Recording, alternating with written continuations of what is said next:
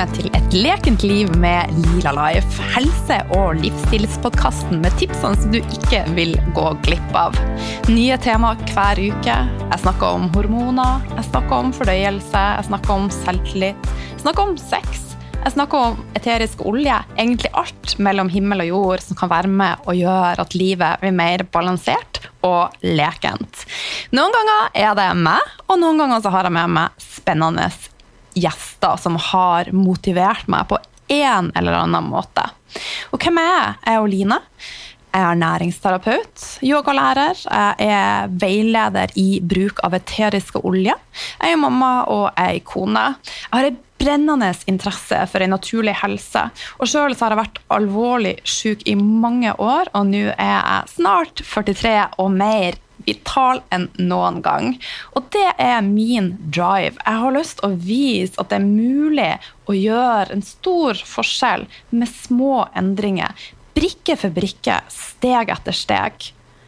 Det er rett og slett mulig å endre noe vanskelig til noe godt. Så det er min motivasjon. Jeg blir kjempe, kjempeglad om du deler eh, podkasten min med kjente og kjære, og jeg håper at du får masse læring og utbytte av eh, et lekent liv med Lila Life. Så legg gjerne igjen også eh, ei tilbakemelding på iTunes eller Spotify, og så tar jeg deres tilbakemeldinger med der. Og har du tema du vil jeg skal legge litt eh, ekstra energi på, og kanskje ta opp, så del. Velkommen, Arnold, til Bodø. Eh, for deg som ikke er kjent med han Arnold, eh, så har han tidligere vært eh, Han har jobba på Universitetet i Bergen og vært seksjonsoverlege ved Haukeland eh, universitetssykehus. Eh, han har også vært seniorforsker ved Louisenberg diakonale sykehus. Og i dag, i 2019, så er han fortsatt en aktiv og sprek mann og en pioner på sitt område. Og har hjulpet utallige med IBS, ME og andre plager. Og for meg er det veldig stort å få han Arnold til Bodø. Og eh, tusen, tusen takk for det. Ja, sjøl takk. Det starta jo med at vi spilte inn en episode på podkasten min. Det var faktisk den første episoden på Et lekent liv med Lill Life. Og jeg er litt sånn som bare gjør, og lyden veier litt dårlig. Og så tok jeg kontakt med deg og så sier jeg, Arnold, nå kommer jeg til Oslo, og så spiller vi inn en ny episode. Og da svarte du at du heller ville komme hit. Ja, ja, ja. Og hvorfor det, egentlig? Fortell litt. Mm. Nei, jeg tenkte at uh, jeg skulle spare deg for de utgiftene. det var noe veldig hyggelig. Men det er utrolig spennende, og nå gleder jeg meg. Vi skal faktisk spille inn to episoder til podkasten i dag, så jeg tenker at vi bare fyrer i gang. Eh, og det som er realiteten, er at eh, livsstilssykdommer det har eksplodert de siste årene. Cøliaki, intoleranser, irritabel tarm, autoimmune sykdommer som jeg sjøl har flere av.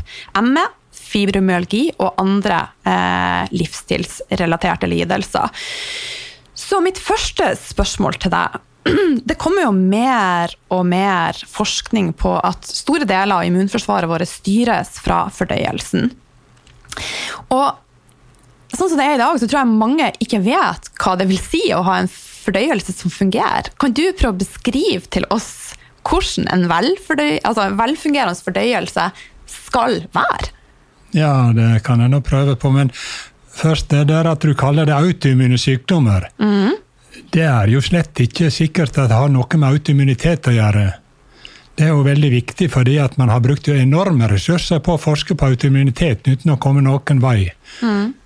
Slik at det er um, Der er visse uh, immune, immunologiske endringer der er det, men det er, trenger slett ikke være noen årsak, i hvert fall. Ok, Men eh, hva er normal fordøyelse? Det var jo en svær sak. Jeg vet ikke om det går an å, å beskrive Den skal jo ikke gi noen symptomer i det hele tatt. Det skal være helt eh, Normal fordøyelse skal jo være noe vi ikke kjenner noe til. Ja, rett og slett. Ja.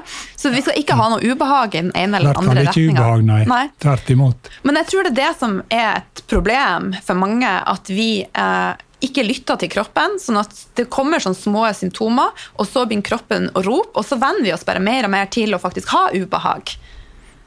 Ja, at vi venner oss til ubehag, det er så, men Men, eh, men eh, vi må eh, også vokte oss veldig for å skylde på pasienten. For det, det er når legene ikke har skjønt noen ting, så har de jo tradisjon for å skylde på pasienten. Det er din skyld, det er du som kjenner for godt etter, og, Ja. og så videre. Og du stresser, og det er ikke rart du er sjuk. Så det er jo en eh, holdning eh, vi ikke kommer noen vei med når det gjelder å behandle pasienten. Ja.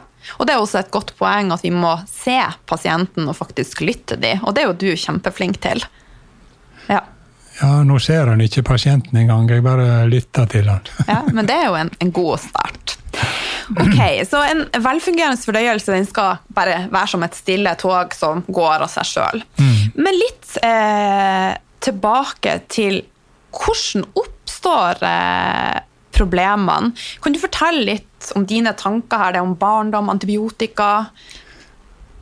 Ja, det som eh, jeg har vært veldig interessert i i den senere tid, er jo antibiotikabruken eh, hos barn. Fordi at eh, Ja, det er, jo en lang historie, det her. Og, og, og eh, til å begynne med på Haukeland så trodde man jo dette var eh, psykiatri. Eh, Disse her plagene som pasienten har. Men vi skulle ha, inngangsporten her er jo plager. Pasienten har plager. Og da er det kanskje lurt å fokusere på dette med matintoleranse.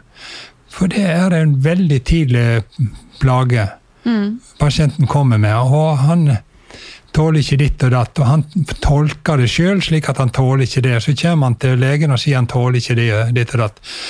Og så skal er det liksom inngangsporten til problemet. Men det viser seg jo det at eh, det der at en ikke tåler det, ja, Til å begynne med, som sagt, så trodde man det var psykiatri.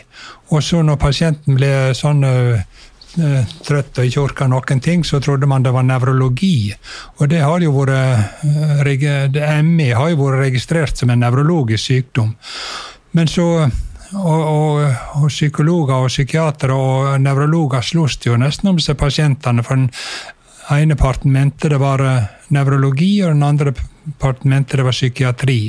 Men så, på 1990-tallet, så ble jeg eh, innkalt til et viktig møte i Oslo, for da var det det at eh, Helsedirektoratet mente at det kanskje var eh, allergi, dette her.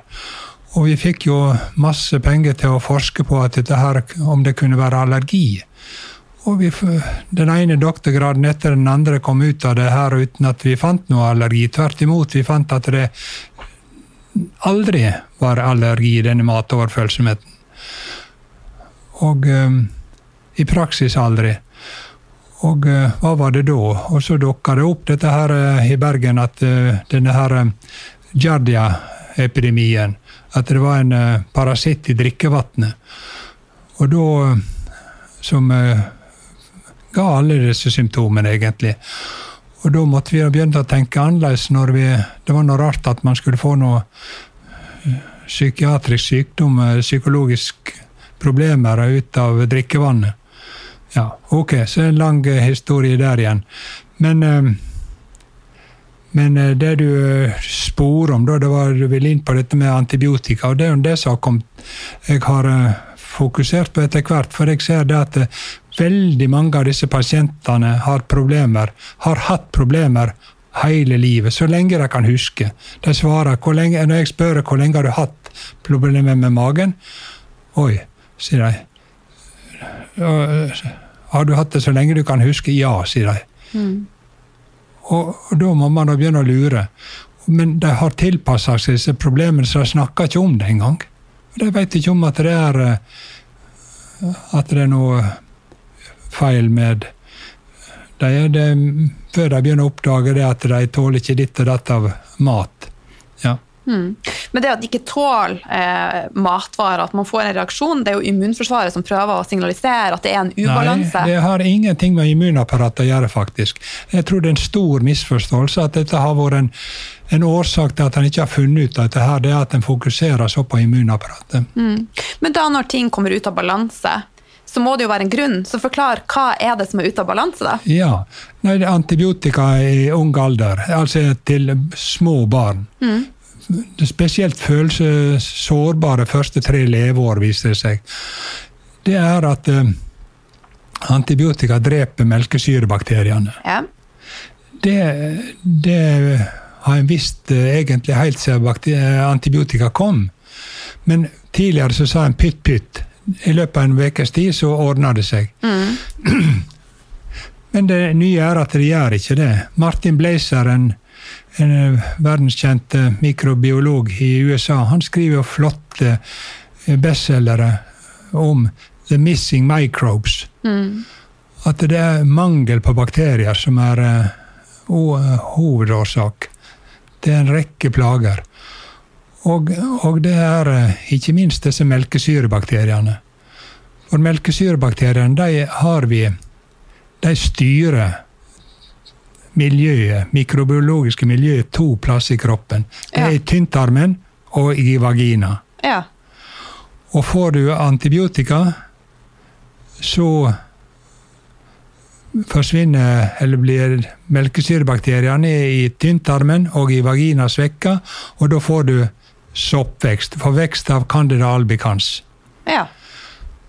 Og dette forstår damene veldig mye bedre enn eh, mannfolka. Av naturlige grunner.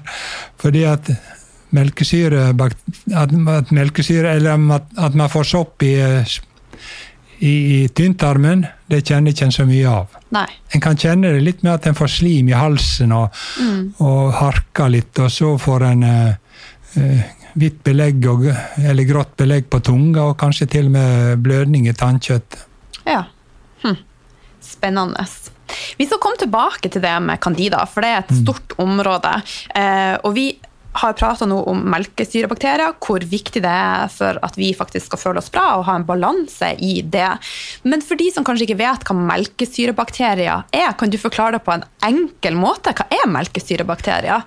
Er det et annet, mer sånn norsk ord som vi kan relatere oss til? Nei, det er melkesyrebakterier så norsk så det går an. Så, Nei, Er det det eh, bakterieflora, rett og slett?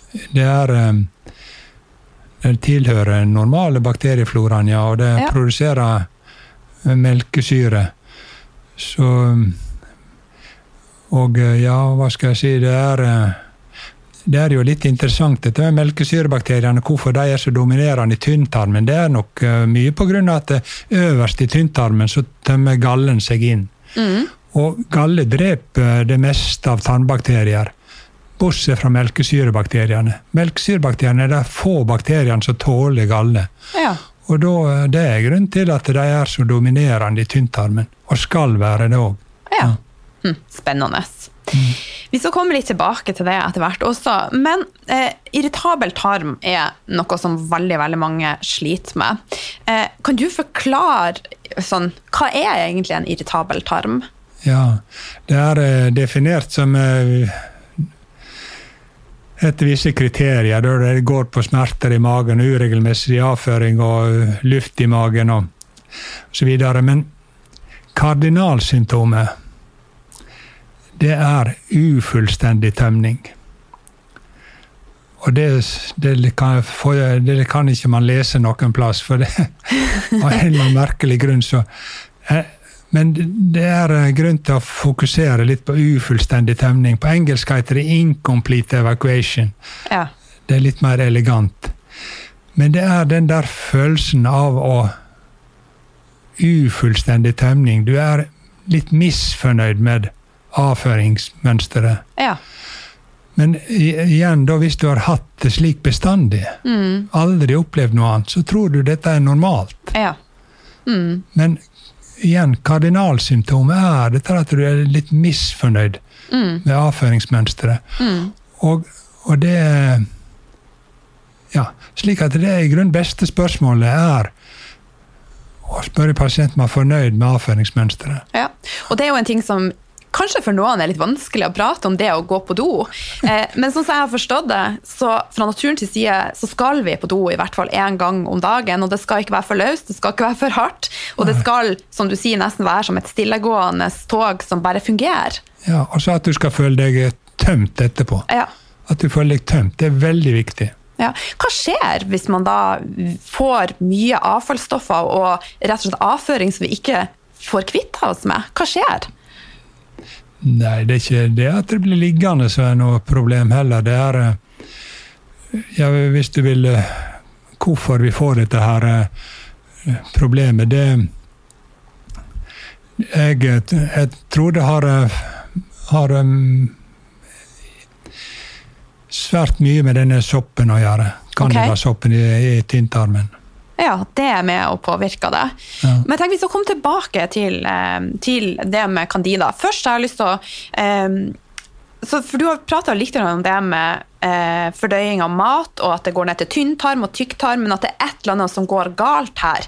Kan du forklare litt om funksjonen? Hva skjer i tynntarmen, hva skjer i tykktarmen, og hva eventuelt er det som går skeis? Ja, det, det det normale er jo at uh, maten brytes ned i uh, magesekken og tynntarmen og absorberes. Aller mest uh, absorberes i, i tynntarmen.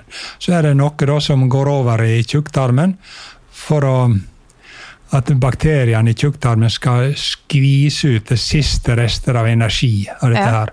Og det er veldig viktig at det ikke kommer for mye over i tjukktarmen.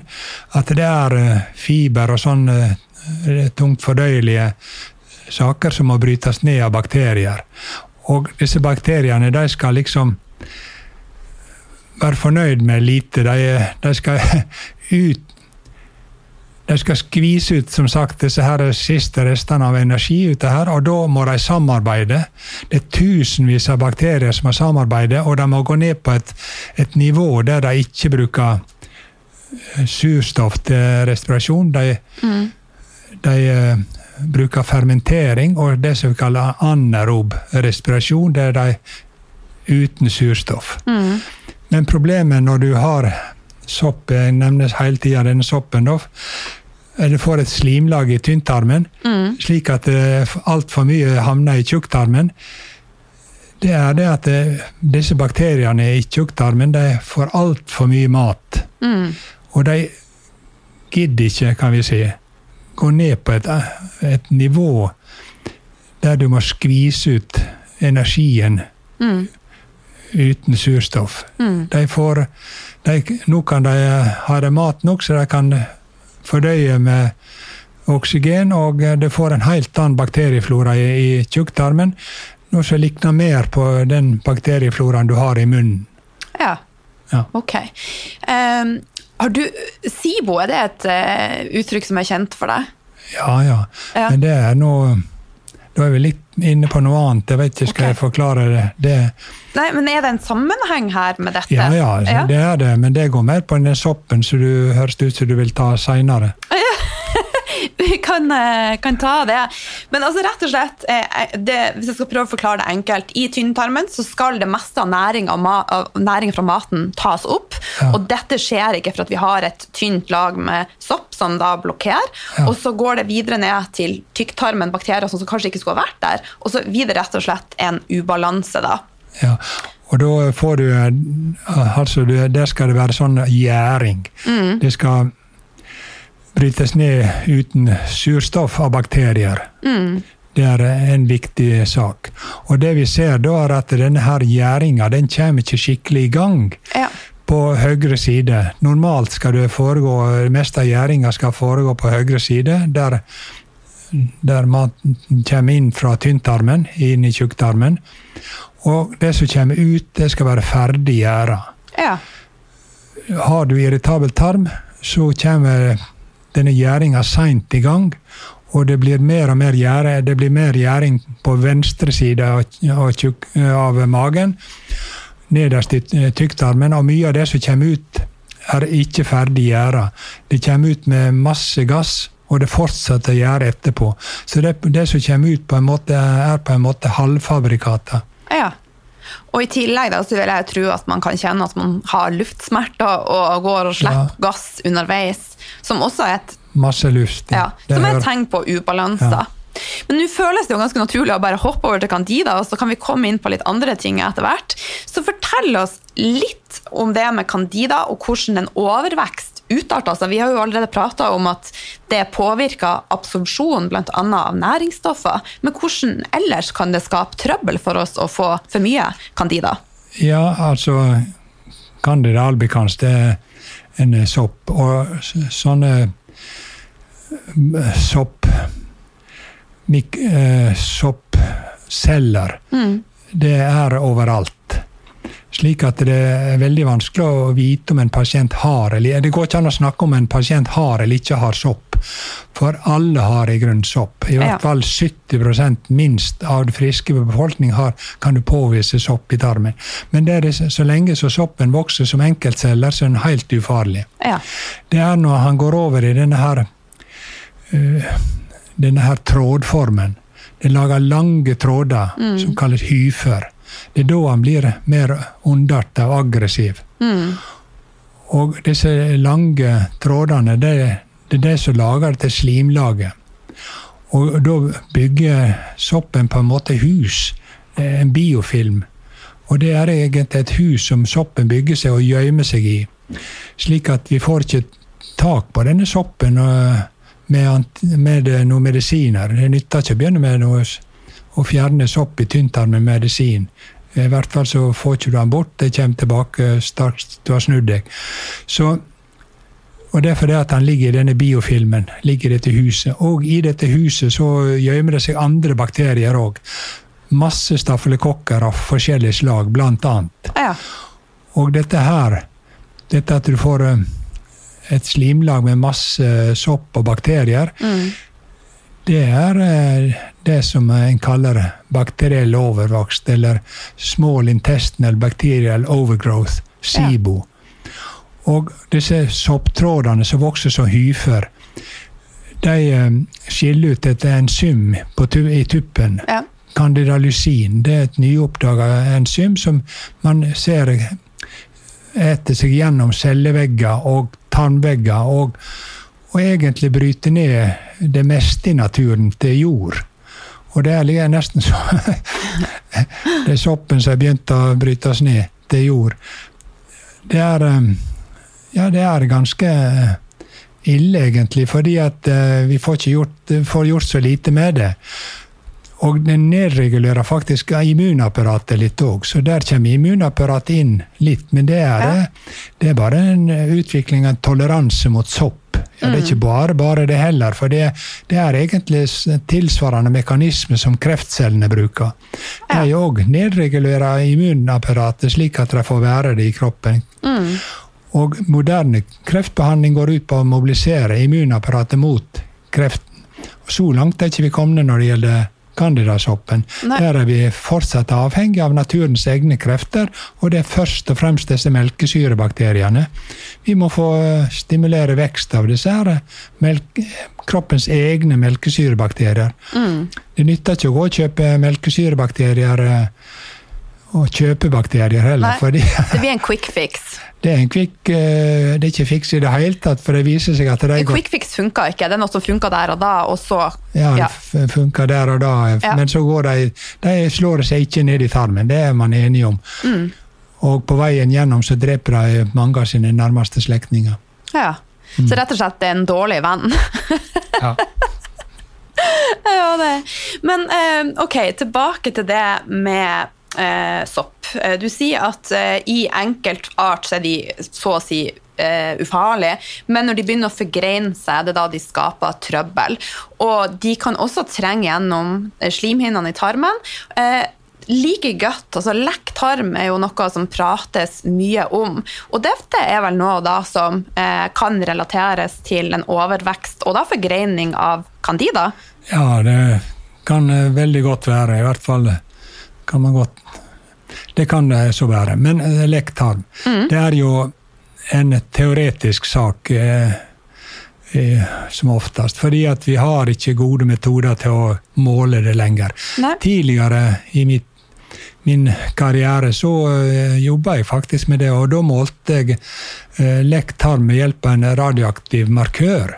Okay. Og da kunne en måle det ganske ålreit. Ja. Men uh, etter hvert så ble det jo forbudt å bruke den slags uh, markører, radioaktivitet, på den måten. ja. Så nå uh, har vi mye dårligere metoder til å måle det der, slik at man snakker om uh, tarm, og jeg tror det er noe som eksisterer. og det kan for, for eksempel så kan man tenke seg at dette at pasientene fryser tre kvarter etter at de har drukket noe søtt, så Ja. begynner de å fryse. ja. Og det er akkurat som at uh, da kommer noe over i blodet. ja. Og, um, og man ser jo der at det, kommer, der er molekyler fra tarmen som kommer i blodet. Mm. Så, så det, det, er ikke, det er ikke et begrep man skal blåse av, men vi Nei. har store problemer med å, å virkelig dokumentere Ja. med Ja. Og så, eh, når jeg var ferdig, jeg var ferdig utdanna ernæringsterapeut for ti år siden, da skrev jeg hovedoppgave om det. Og da var det veldig få som visste noe om det. Men jeg ser at det kommer mer og mer forskning på det.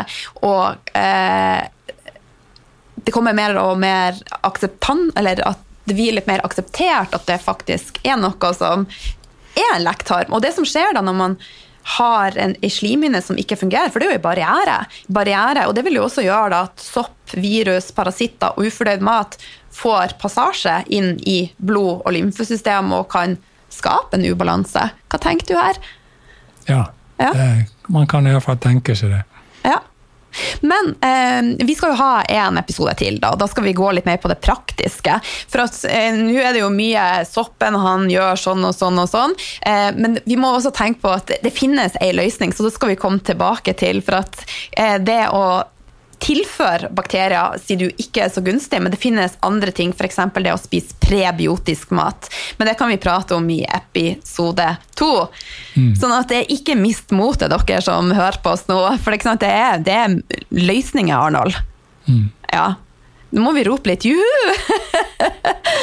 Men du, eh, de fleste som har en eh, ubalanse i eh, fordøyelsen og oppvekst av candida, og kanskje har fått eh, diagnose IBS, ME eh, I hvert fall når vi har ubehag i fordøyelsen eh, Disse tingene kan gi også ubehag andre plasser i systemet vårt. Kan du fortelle oss noe om det, og hva det er som skjer? Altså, vi Stive ledd, kjeve Ja, ja, ja. Nei, altså nå eh, Jeg prøvde å forklare det at eh, det starta veldig ofte med antibiotika i, eh, som barn. Mm. Faktisk eh, et stort materiale jeg har, så er det tilfeldig i, i eh, 90 eh, av tilfellene. Og, og symptomene starta i magen. Ja. Det det starter alltid i magen, vil jeg påstå. Ja. Disse her er symptomene som vi skal snakke om. ja. Og veldig mange år før det dukka opp sånne symptomer som du nevnte nå, leddsmerter og tretthet og alt det der. Det er ofte 20-30 år etterpå kommer slike symptomer. Det kan komme mye før òg. Men, eh, men det er slett ikke uvanlig dette her at de, at de har hatt en eh, umulig mage bestandig, men så eh, i ungdomsåra så begynner problemet, virkelig problemene. Ja. For det at det, det er et irritabel tarm, det er jo plagsomt, men det er ikke noe du blir sykmeldt av og, Nei. som regel. og øh, Det går jo ikke utover øh, arbeidskapasiteten som regel. da. Nei. Det er først når disse andre symptomer du- dukker opp, det at du får virkelig problemer. Og, det, og du nevnte dette med leddplagene. Det må vi nå snakke om. Også det er muskelplager. Mm. Og, søvnproblemer. og, Søvnproblemer. og, og trettheten. Ja. Hva sa du? Og søvnproblemer. Og det kan- Det har jo øh, mer med Ja, det er masse Det er et utall symptomer, men det kan vi Skal vi ta det nå, eller? Ja, Ja. Fortell om det som du Ja. føler er naturlig nå å ta. Ja. Ja, ok. Nei, det er muskelleddplager, da. Mm. Eh, Det er eh, Jeg pleier å spørre om du har knirka i kjeveleddet. og det er jo mange som har. Eh, Det er ikke sikkert jeg har, er så knytta til leddplager, egentlig, men det, det virker nesten slik at, at, som om det skulle være det. Og så um, spør jeg om jeg har vondt i, fått vondt i andre ledd, og det er veldig mange som har. Da en, av de jeg ser, Dette er jo helt avhengig av hva, hva pasientmaterialen har, men jeg ja. ser jo ofte de som er sykest, og det er jo en uh, 85 får leddsmerter. Og det er da leddsmerter. Det er veldig lite deformiteter i leddene, slik at det er vonde ledd. Mm. Og uh, igjen så er det da et problem at går man til revmatologer med den slags plage, så begynner de å telle, undersøke ledda, og det undersøker hvor hovne og ømme de er. Ja. Og disse pasientene har jo verken hovne eller ømme ledd. så det er liksom Det er liksom ikke noe sånn dokumenterbart, annet enn de har vondt i ledda. Mm. Og de har veldig ofte den morgenstivheten. Ja. Føler seg stivende om morgenen har kledd på seg. Men disse leddsmertene er egentlig helt det er noe helt annet enn muskelsmertene. Muskelsmertene de er um, egentlig mye alvorligere, for det er de som er, det er veldig sånn invadiliserende. Ja. Hvis du begynner å få muskelsmerter, da da er det du får problemer med jobben og, mm. og begynner å bli sykmeldt. Og muskelsmertene, det er da det typiske der er at du tåler lite fysisk belastning. Du får du merker det at beina er tunge når du går opp trappene, og, og, får, og anstrenger du deg, så får du vondt i musklene, og så går ikke det bort i løpet av en halvtime. Han Usain Bolt han springer 100 meter, og etter en halvtime så er han like fin. Ja. Men hvis eh, disse pasientene springer 100 meter så blir de skikkelig slitne, så har de vondt i musklene i flere dager. Mm. Og, eh, og, det der kalles delayed recovery på engelsk. Det er også et sånt elegant engelsk ord som forklarer veldig mye av symptomatologien der. At, at du får disse smertene som er så trege med å gå bort. Ja. Og uh, ofte føler man seg litt uh, småsjuk òg. Ja. For du uh, Det danner seg giftstoffer òg når dette her Det er melkesyre, så du får melkesyre i musklene, men det, det, er ikke, det, er ikke, helt sikkert at det er melkesyre hele forklaringa. Det har også med surstofftilførselen til muskulaturen å gjøre, dette her. Mm. Men at du også får danna et giftstoff parallelt med melkesyra, det, det er et giftstoff som heter metylglyoksal. Det gjør at du føler deg sånn småsjuk. Du Men hvis vi går litt tilbake, så er det altså, for, Når vi spiser, eh, så skal vi jo bryte ned mat. Og det skal, spesielt da karbohydrater skal brytes ned og skal da inn i cellene våre og bli til energi, sånn at vi skal få energi. Men det her det her det er et eller annet som går galt. Istedenfor at det går som energi inn til cellene, så dannes det melkesyre. Eh, har jeg forstått det ja. riktig? Ja, ja. Og det er da disse, det, den prosessen som du kaller delayed uh, recovery, uh, oppstår. Og da kan man få muskelsmerter. Og f.eks. Eh, hadde jeg har en venninne som har hatt ME i mange år. Og det er liksom vanskelig å sette seg inn i, men det at hun gikk en tur, eh, kunne gjøre at hun fikk de her symptomene som du beskriver nå, og ble sengeliggende i flere dager. Og da er det pga. denne konverteringa som faktisk ikke fungerer som så det skal. Ja. Nei, eh, altså disse pasientene tåler jo veldig lite da, fysisk belastning. Det er veldig individuelt. Det er jo alle grader av dette der. Men, eh, og de som er så sjuke at de blir liggende i senga, de, de har jo ofte muskelsmerter uten at de har gjort noen ting. Ja. De, de, har muskelsmerter også i hvile. Mm. Men du tenker litt på hvor dette her oppstår, ja. Det, det, det, har med, det er dette med matintoleransen. Det er uh, Pasientene forteller at de tåler ikke ditt og datt og har veldig mye å, å fortelle ofte. Men er, eh, det, viser seg at det er kun én ting disse pasientene ikke tåler, og det er karbohydrat. Ja, for de klarer ikke å bryte ned? Ja, det er en ja. metabolsk eh, problem som har med nedbrytninga og fordøyelsen av karbohydrater å gjøre. Den stopper opp ved et enzym Slik at det blir, det, karbohydratene brenner ikke opp til energi. Nei. Karbohydrater er jo det idrettsfolk spiser kolossale mengder av, og får kolossale mengder av energi òg. Men disse stakkars pasientene som har disse, den typen muskelsmerter, eller de, eh, de, de brenner ikke karbohydratene opp til energi. Det hoper seg opp som melkesyre. Og de får disse muskelsmertene og føler seg syke pga. giftstoffet. Og så er det at dette karbohydratene som normalt skal brenne opp, de går til melkesyre. Og melkesyra må jo gå til noe. Den går faktisk da til Det legger seg rundt tarmene som fett. Så man blir så påfallende tjukk rundt magen. Ja. Og du får bli sånn innfeit. Mm. Og får sånn bilring rundt magen og rundt hoftene. Og det er jo Ja. Det er jo akkurat der damene ikke vil bli tjukke. Ja. og ikke mannfolka heller. Nei, Ja. men det, det her er jo eh, Jeg har sett litt på eh, resultatene på dine, altså de forskning, rett og slett, og det er jo primært damer som har disse problemene. Det er jo noen menn også, men hovedsakelig damer. Ja. Stemmer det? Ja, ja. Det er ja. tre fjerdeparter damer, men Men akkurat forklaringa på det har ikke jeg. Vet ikke om det har med dette å gjøre. akkurat. For denne her metabolske forstyrrelsen som vi nå snakker om, den der eh, blokkeringa av karbohydratmetabolismen, den er nå eh, biokjemisk veldig godt kartlagt. Ja. Så det er ikke noe som man eh, Det er ikke bare filosofi, det. Men eh, men jeg tror ikke det har noe med om menn og kvinner at det er noe forskjell der. Det har ikke jeg hørt, i hvert fall. Nei.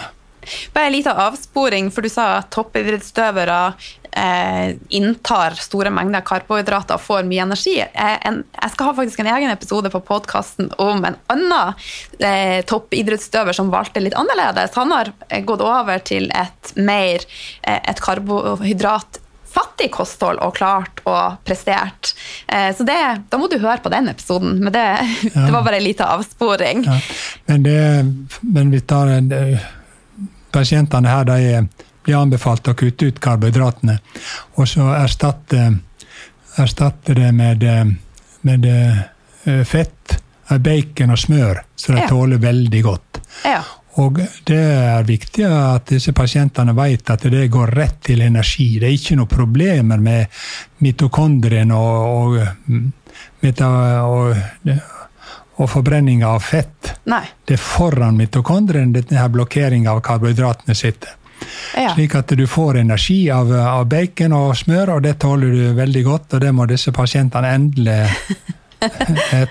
Ja, og det er jo så befriende, for at vi er jo blitt lært til at smør det er jo kjempefarlig for oss.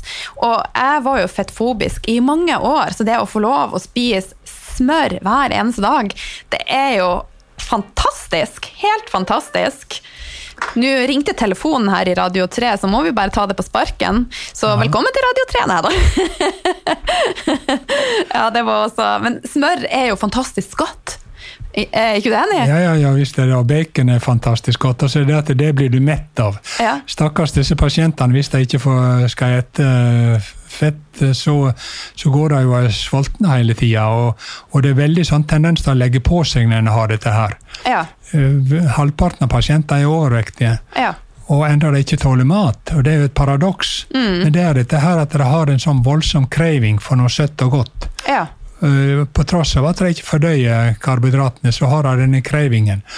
Og det er jo Jeg tror det er eh, Candida, for den vil ha noe søtt og godt hele tida. Så den roper etter noe søtt, ja. Den roper, og det, når, og det ropet, det er Candida som roper. Ja. Det er ikke pasienten.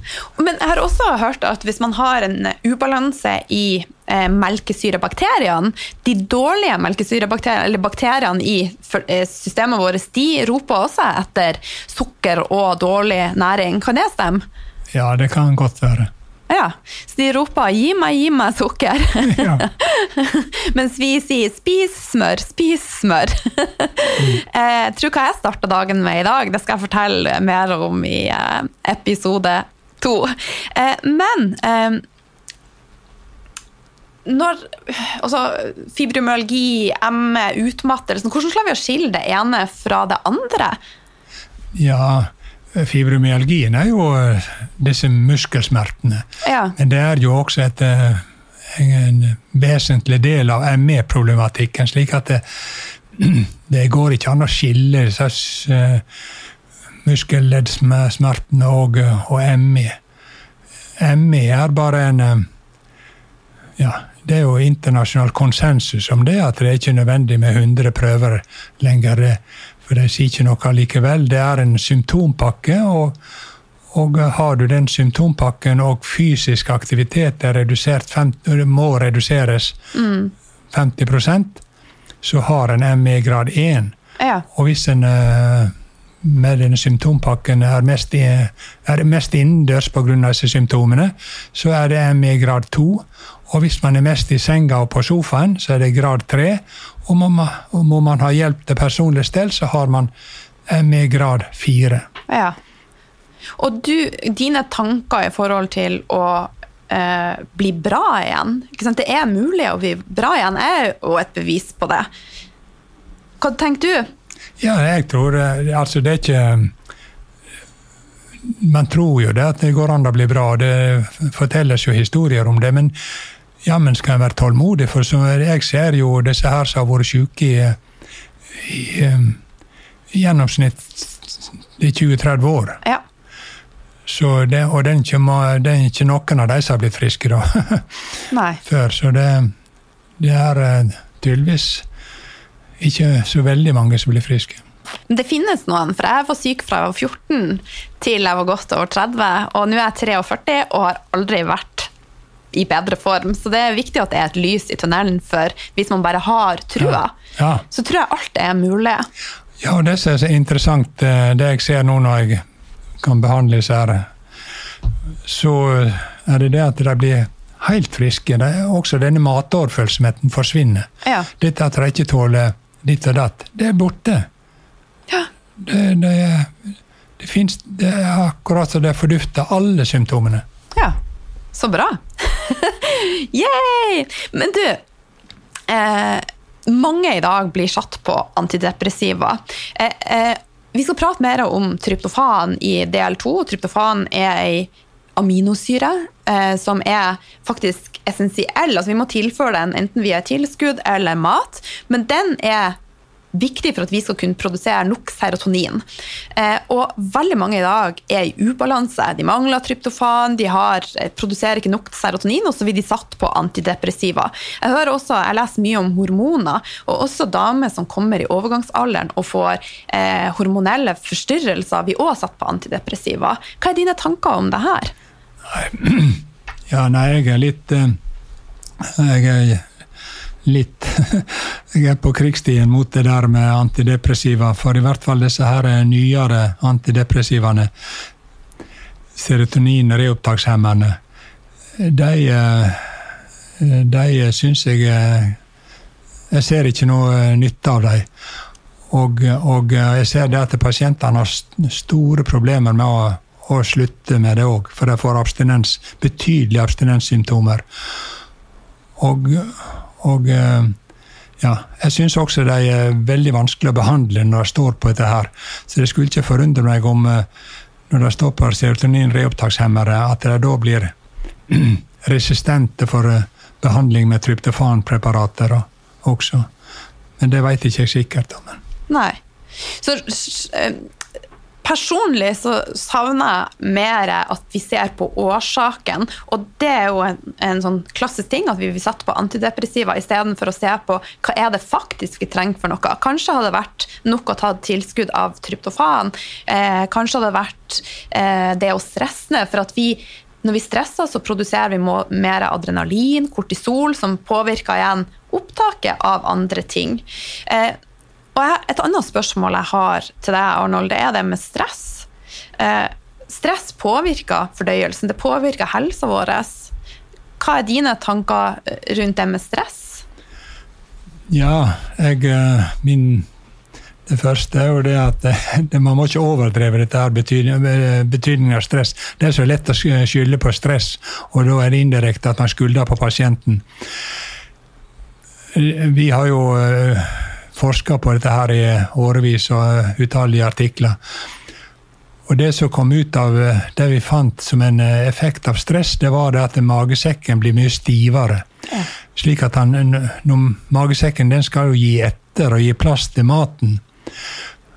Og du, hvis du et når du skal før eksamen så greier ikke å ete noe særlig, fordi at magesekken er så stiv at han utvider ikke seg. Da får du ubehag av maten. Du blir ikke behagelig mett, men du, du får et sånn ubehagelig ja. Du blir så ubehagelig stinn og uvel. Og um, kan bli kvalm og kaste opp, til og med. Ja. Det var det sikreste vi fant av stress, men sånn irritabel tarm og matintoleranse, det har aldri med stress å gjøre. Det er aldri en, stress er aldri en årsak. Men at du blir, du blir Det kan være en konsekvens av å ha så mye plager. Mm. Det er jo så. Det er jo noe helt annet. Så jeg tror det at uh, Men, men uh, det Slik at det er stress uh, Hvis man føler seg stressa, så er det jo fordi at man ikke får gjort alt en gjerne skulle ha gjort. En orker ikke. Og dette her at en kanskje en slags depresjon. Det er ikke depresjon. Pasientene sier med en gang at nei, det er ikke depresjon, men man blir jo ikke glad av det her, sier de. Og det er jo helt forståelig. Mm. At du blir ikke glad av å gå med alle disse plagene.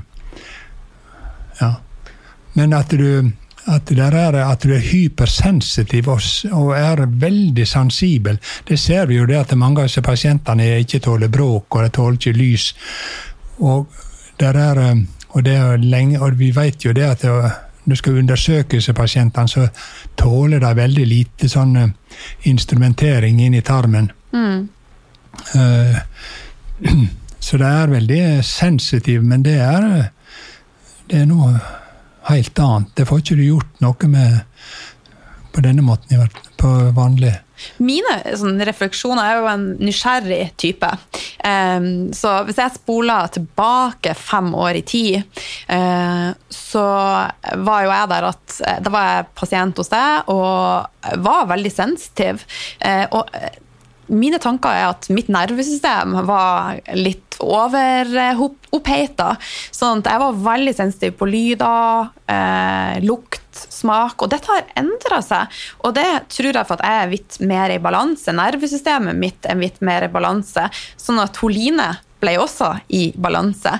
Eh, sånn at alt i min verden. Og når jeg prater og relaterer, så prater jeg jo ofte om hvordan jeg har erfart ting. Eh, mens du sitter litt på andre sida av bordet og eh, er da en lege, så vi har kanskje to forskjellige innfallsvinkler. Men det mine eh, resonnement, høres de logiske ut? Ja, ja. ja. At, eh, det, at, denne hypersensitiviteten, den er der, det er helt klart. og det jeg tror ikke vi har noen sånn veldig god forklaring på det.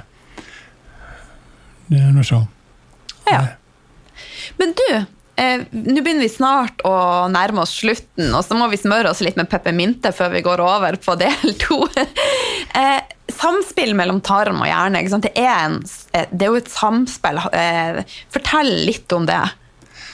Ja. Mm. Eh, det er mange ting. Det er altså hjernen det er symptomene fra altså Det er jo dette at du sover dårlig og, mm. og er hypersensitiv og, og, og, og, Så at dette her påvirker hjernen, det, det er noe helt tydelig. Og, men akkurat mekanismene der, det kan ikke jeg forklare akkurat. Men vi ser jo det at det er en kvikner til. Det er veldig, Symptomene fra hjernen er uhyggelig likt det som en, Når en begynner å få demens ja. Dette at en glemmer ord. Ja. Og det er jo typisk for demens og begynnende demens, og det er typisk for disse pasientene òg. Yngre folk de husker ikke navn og sånn plutselig. og blir sånn glemsk. Det er glemsk og, og ja, de får jo tåkete. Det er noe forståelig når du sover dårlig, alt sånt, men, men det, det, er eh, det der at du blir så glemsk, det er veldig interessant, egentlig. Interessant, men kjedelig. Ja. Men vet du hva? Nå har vi, eh, vi har gått gjennom mye, og vi har prata om eh, det med Candida. Vi har prata om hvor viktig det er å prøve å holde Candidaen i sjakk som ikke forgreiner seg, påvirker eh, fordøyelsen vår, gjør at vi får et dårligere næringsopptak, som igjen gjør at det kan bli ubalanser i tynntarm, tjukktarm og igjen forplante seg. Og på sikt kan gi både fibromyalgi, ME etc. Eh, og det som er viktig å tenke på, det er at det alltid finnes ei løsning. Og i del to nå så skal vi se litt mer på det praktiske. Hva kan vi gjøre faktisk for å klare å regulere en irritabel tarm? Hvordan kan vi bygge opp eh, bakteriefloraen vår på en naturlig måte? For det du er en, en stor forkjemper for, ikke sant? at vi må bygge vår egen krigsherre opp. Ja. Så da tror jeg at vi avslutter for nå. Arnold sier jeg tusen takk så langt, og så er vi snart klar for eh, neste episode. Dette var episode åtte på Et lekent liv med Lila Life, så tusen takk for oss.